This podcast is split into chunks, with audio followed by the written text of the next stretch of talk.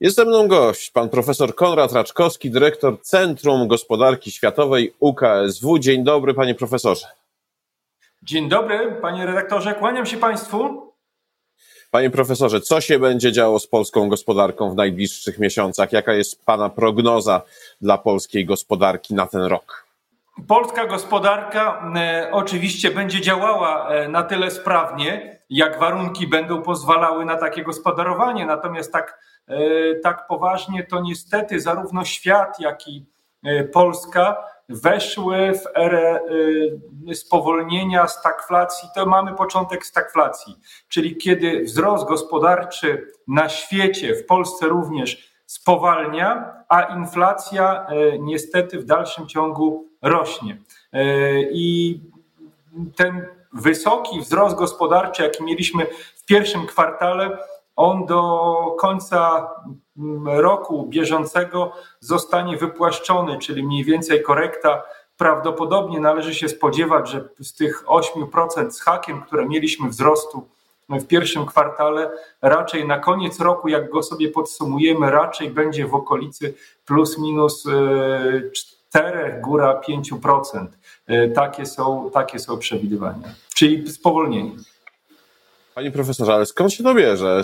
Dlaczego e, i gospodarka światowa, europejska, no i polska e, tracą oddech?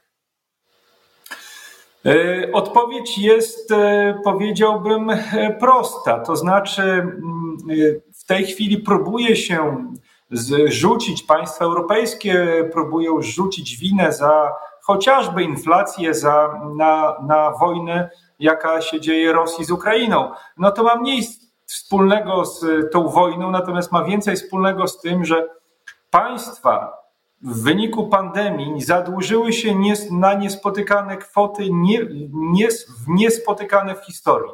I to ma swoje konsekwencje, czyli dosypywanie pustego pieniądza w celu ratowania gospodarki wcześniej czy później będzie przekładało się i przekłada się na zjawiska inflacyjne. I to obserwujemy dokładnie na całym świecie. Natomiast drugim takim, e, takim elementem, który obserwujemy, bardzo istotnym, jeżeli nie pierwszym w tym momencie e, nawet, to, jest, e, to są procesy gospodarcze związane z łańcuchami dostaw.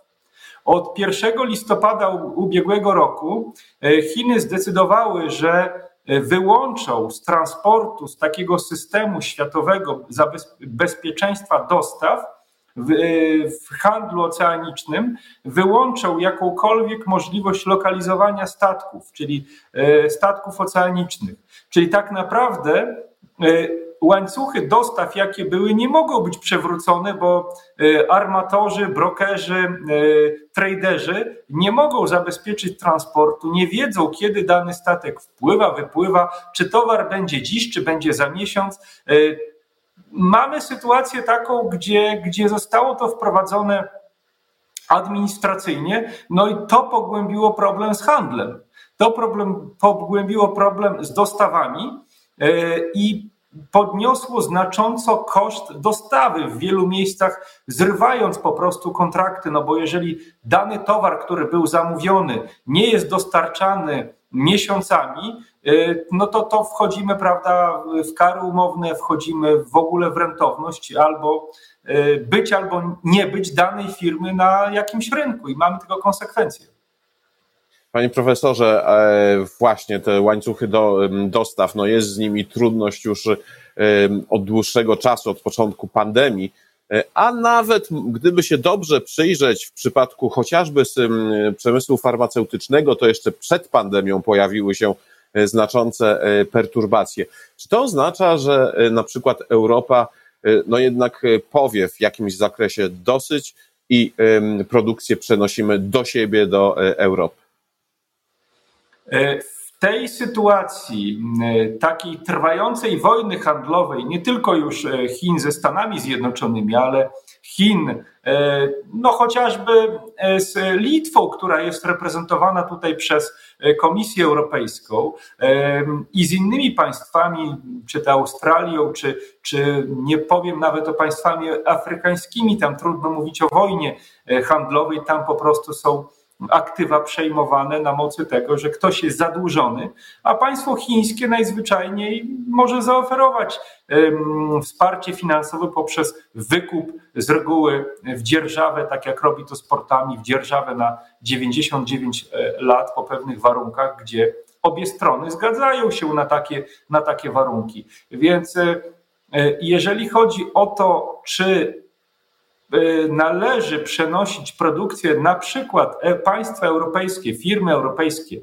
powinny wrócić z tą produkcją tutaj, jak najbardziej tak. E, z prostego powodu widać, że jeżeli nie mają produkcji komplementarnej u siebie, nie mogą zabezpieczyć łańcuchów dostaw e, lub nie mają komponentów, wystarczy, że jeden z tysiąca komponentów w technologii zaawansowanej do złożenia jakiegoś produktu był wytwarzany w Chinach i w tej chwili brakuje tego jednego, tylko jednego komponentu, czy półprzewodników, czy procesorów, czy innych e, elementów, nie mamy elementu finalnego, czyli nie ma tak naprawdę towaru, który można e, sprzedać. I e, wydaje się, że, że to jest e, proces nieodwracalny. To znaczy, w sytuacji takiego ryzyka, w którym te dostawy mogą być administracyjnie zatrzymane przez stronę, w tym wypadku chińską, no firmy muszą kalkulować ryzyko. Ono w moim przekonaniu jest zbyt duże. Panie profesorze, wróćmy do Polski. Wspomnieliśmy o inflacji. Według statystyk GUS-u inflacja wynosi około 12%. E, aczkolwiek no, mamy różne inne domniemania, inne miary, na przykład inflację konsumencką. E, która e, według właśnie no, różnych wskaźników jest dużo wyższa od tej gusowskiej. Jak to jest z tą inflacją? Jak jest tak właściwie poziom inflacji w Polsce? Mm, poziom inflacji zarówno w Polsce czy na świecie, liczony według tych standardowych miar, których używamy od wielu, wielu lat, jest, e, no jest taki, jaki według tych wskaźników e, pokazują nam te wskaźniki. Czyli w Stanach Zjednoczonych mamy inflację na poziomie obecnie około 8%, ona delikatnie spowalnia, ale to tylko delikatnie jest warunkowana akurat tam cenami po prostu paliwa za galon. One trochę raz rosną, raz spadają i to będzie głównym determinantem tej inflacji, na przykład za oceanem. Natomiast w Polsce E, ta inflacja.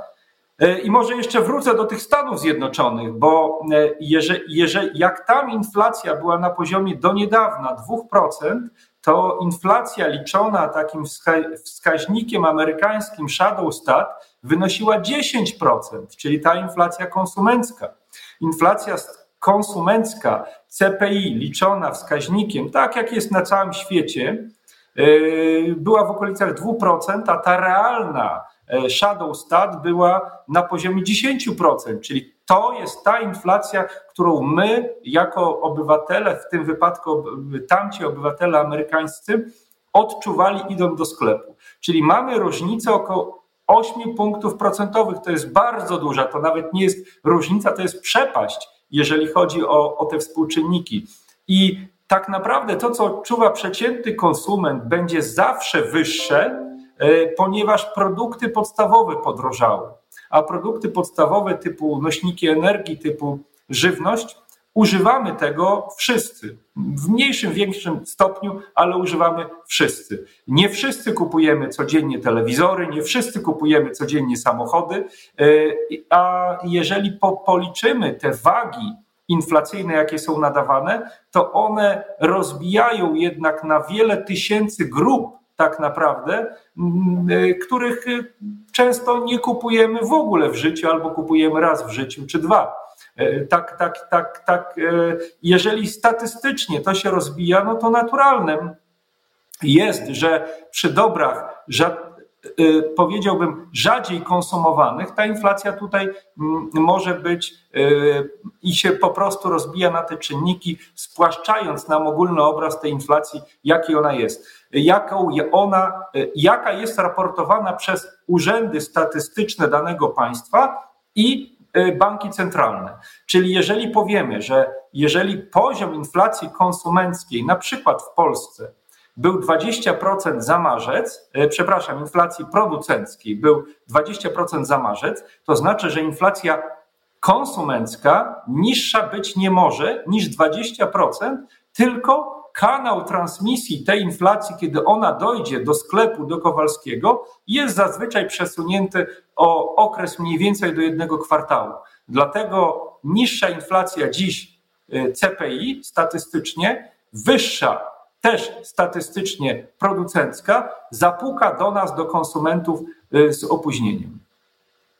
E, właśnie, wspomniał Pan o tym opóźnieniu, no ale jednocześnie będziemy e, musieli jakoś żyć z tą wysoką inflacją i właśnie, jak długo będziemy z nią żyli? Kiedy, to, kiedy te znaczące wzrosty cen, Pana zdaniem, mają szansę się skończyć? To, to działa w taki sposób, że według prognoz, które robimy, które robi Narodowy Bank Polski również i prezentuje, można spodziewać się spadku, spowolnienia wzrostu cen w drugim kwartale przyszłego roku. To znaczy jesień, czwarty kwartał i pierwszy kwartał przyszłego roku, jesień tego roku i zima tego roku, czwarty kwartał i pierwszy kwartał przyszłego roku prawdopodobnie będziemy zmagać się z najwyższą inflacją. Według scenariusza nawet Narodowego Banku Polskiego ona może być w okolicy 18%, co oznacza, że, że pewnie taka będzie, bo ostatnio scenariusze te pesymistyczne, które robił Narodowy Bank Polski, się sprawdzały. A przypomnę, że e, e, Bank Centralny robi takie trzy projekcje scenariuszy. E, taki realny, optymistyczny i właśnie ten skrajny pesymistyczny. Ale dodałbym jedną rzecz. Dodałbym jedną rzecz do, do, tej, do tej inflacji E, ponieważ mamy tutaj stronę też podatkowo-wydatkową i e, jeżeli popatrzymy na pewne grupy, czy jak, ten, jak mamy zbyt na określone grupy towarów, to e, czy stawki podatkowe mogą wpływać, czy nie wpływać na określone grupy, to oczywiście mogą. Takim przykładem mogło być w ostatnim czasie tych grup towarowych będzie dużo. Natomiast jeżeli weźmiemy nawet, nawet papierosy, tradycyjne papierosy, to ta, ten wzrost, minimalny wzrost akcyzy, jaki był przyjęty w roku przyszłym, e, nie tylko nie doprowadził do spadku sprzedaży, ale sprzedaż po kwietniu e, jest tego roku jest dużo większa niż sprzedaż papierosów za cały rok ubiegły. Wpływy, e, a dokładnie wpływy z podatku, e, z podatku akcyzowego, z tego zakresu. Więc widać, że mechanizm kalkulacji, w którym można wpływać zarówno poprzez mechanizm fiskalny na współczynniki inflacji, oczywiście w dół, jak i kontrybucje danin publicznych jest bardzo duży. I tutaj mamy na pewno po stronie większe narzędzie, mamy po stronie polityki gospodarczej i podatkowej niż polityki monetarnej, która w tej chwili stopami procentowymi nie bardzo już może oddziaływać na tą inflację. Panie profesorze, rozmawialiśmy o tym, że gospodarkę także Polską czeka hamowanie. Rozmawialiśmy o tym, że wysoka inflacja no, będzie nam towarzyszyła dosyć długo. A są w ogóle jakieś optymistyczne wieści dla polskiej gospodarki?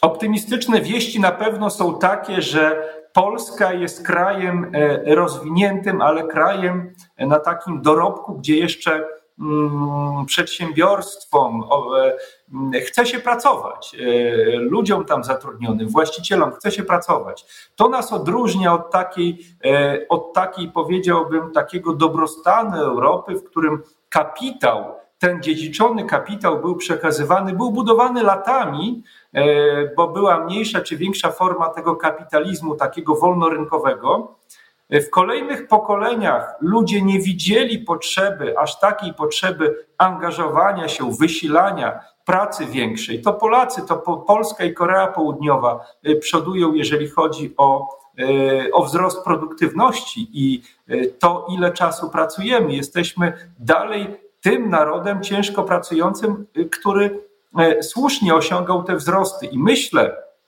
że wiedząc o tym, wiedząc o takim spowolnieniu, ta nasza przewaga w postaci chęci i gotowości do pracy, ten głód i jeszcze tych ambicji, tego doganiania Zachodu. Niekiedy przeganiamy ten Zachód już w tym momencie, ale to jest jeszcze tylko niekiedy. Natomiast ten głód jest z nami i sądzę, że te lata PRL-u E, dla tych osób, które ich doświadczyły, e, będą zbawienne, ponieważ w czasach trudnych Polacy wiedzą, jak pracować, jak szybko przestawiać produkcję, jak zabezpieczać kanały dystrybucji. A e, eksport był w ostatnich latach naszą bardzo silną, dominującą pozycję, jeżeli chodzi o koszyk budowania, budowania wzrostu gospodarczego jako PKB, gdzie mieliśmy mieliśmy, nie było deficytu w bilansie handlowym, tylko była nadwyżka. Czyli to są pozytywne elementy, które uważam, pomimo spowolnienia, pomogą wyjść, wyjść w dobrej sytuacji z tych zdarzeń, które mamy światowych. Bardzo dziękuję za rozmowę. Moim gościem był pan profesor Konrad Raczkowski, dyrektor Centrum Gospodarki Światowej UKSW. Jeszcze raz dziękuję za rozmowę. Dziękuję.